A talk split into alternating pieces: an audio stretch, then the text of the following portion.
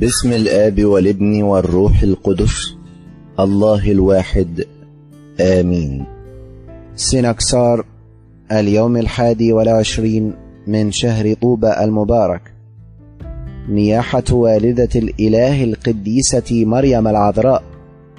نياحة القديسة إيلارية ابنة الملك زينون. في هذا اليوم من سنة ثمانية وأربعين ميلادية تنيحت القديسة الطاهرة مريم العذراء والدة الإله حيث عاشت بعد صعود ربنا يسوع المسيح إلى السماء في بيت القديس يوحنا الحبيب خمس عشرة سنة.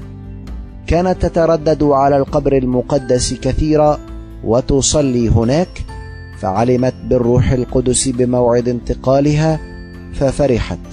فاجتمع الآباء الرسل فباركتهم السيدة العذراء. ثم جاء السيد المسيح بنفسه مع ملائكته القديسين واستلم روحها الطاهرة وصعد بها إلى السماء.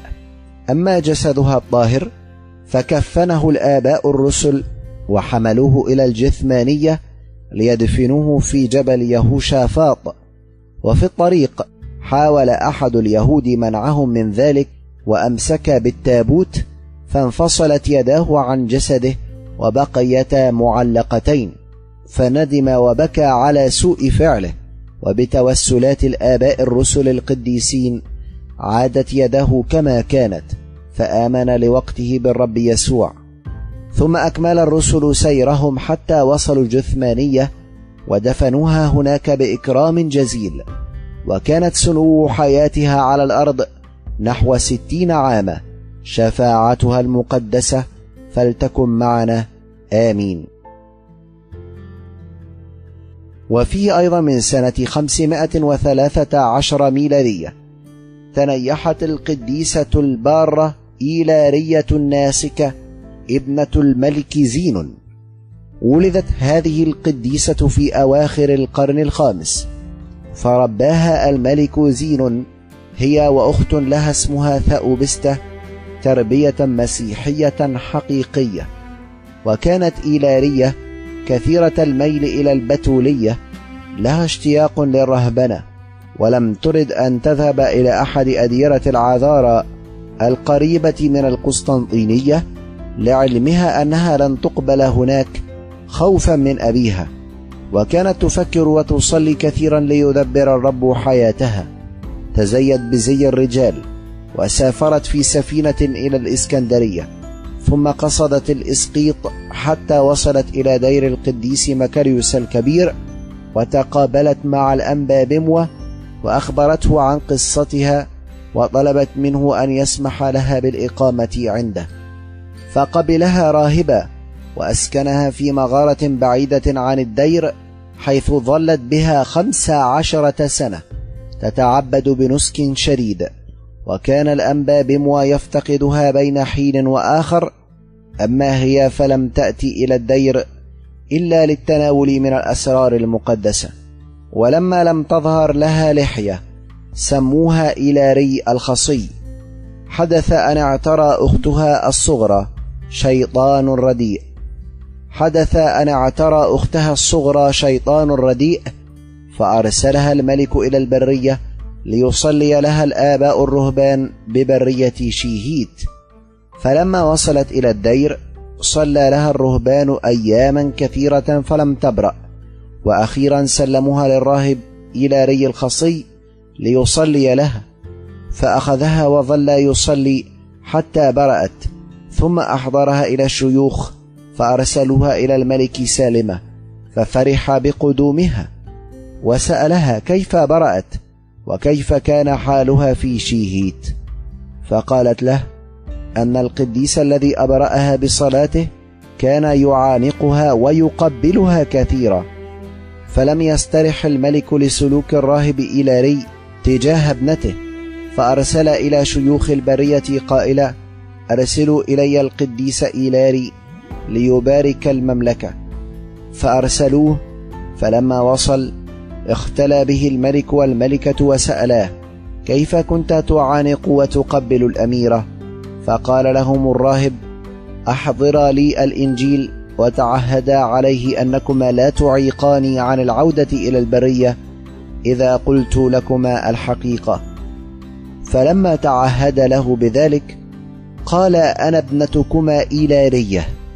ففرح الملك والملكة وكل القصر الملكي وظلت في القصر شهرا من الزمان ثم أرادت العودة إلى شيهيت فلم يرد والداها أن يطلقاها إلا بعد أن ذكرتهما بالتعهد. فكتب الملك إلى والي مصر يأمره بأن يقدم للدير كمية كبيرة من القمح والزيت وكل احتياجات الرهبان سنوية. واهتم الملك بعمارة البرية وأنشأ بدير القديس مكاريوس حصنا عظيما لا يزال قائما إلى الآن.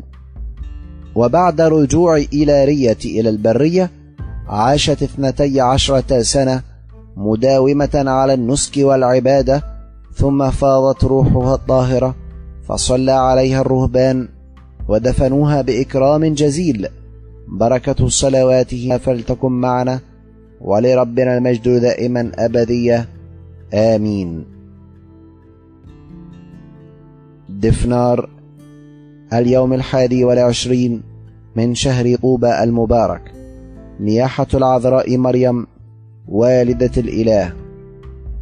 حواء التي قد أغوتها الحية حتى أنها أكلت من ثمرة الشجرة.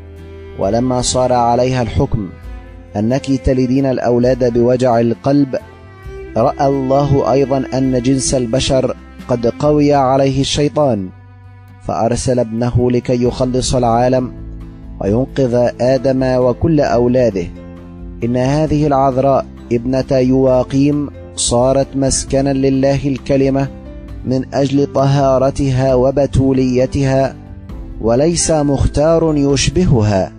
لأن ابن الله لما تحنن على جنسنا طأطأ السماوات ونزل إلى الأرض ولاهوته منبثق منه كشعاع وتجسد من والدته. فصار بطن مريم مسكنا لله وولدته في العالم وهي باقية عذراء. ولو اجتمع كل الحكماء لم يبلغوا حد كرامة مريم. فلهذا نحن نسجد أمامها ونطلب إليها كي تصلي عنا. ونسأل ابنها وحيدها ليصنع معنا رحمة ويغفر لنا خطايانا. ونحن نسأل ونطلب أن نفوز برحمة بشفاعتك عند محب البشر. السلام لك يا مريم العذراء القديسة. السلام لوالدة الإله النور الحقيقي. السلام للعذراء المرتفعة على السماء والأرض. السلام لينبوع الماء التي تروي العطاش. السلام لك يا مريم العذراء غير الدنسة. السلام لأم الله وأمته معه. السلام للقبة الثانية التي للابن. السلام لمسكن الله الكلمة. السلام للعذراء التي حملت المخلص حتى خلصنا من خطايانا. السلام لهيكل الروح القدس. السلام لإكليل فخر اجتماعنا. السلام للتي أضاءت المسكونة التي ربيت في هيكل الله. السلام للفردوس المقدس الناطق. السلام لشجرة الحياة التي لها عدم الموت. السلام للحقل الطاهر الذي باركه الله. السلام لكرم رب الصاباؤوت. السلام للقضيب المقدس الذي للشهادة. السلام لشجرة الزيتون المغروسة في بيت الرب. السلام للأصل الطاهر النبوي. السلام للإكليل الرسولي غير المضمحل. السلام للتي ولدت الله الكلمة مخلصنا يسوع أتى وخلصنا. ونحن أيضا نسأل أن نفوز برحمة بشفاعتك عند محب البشر.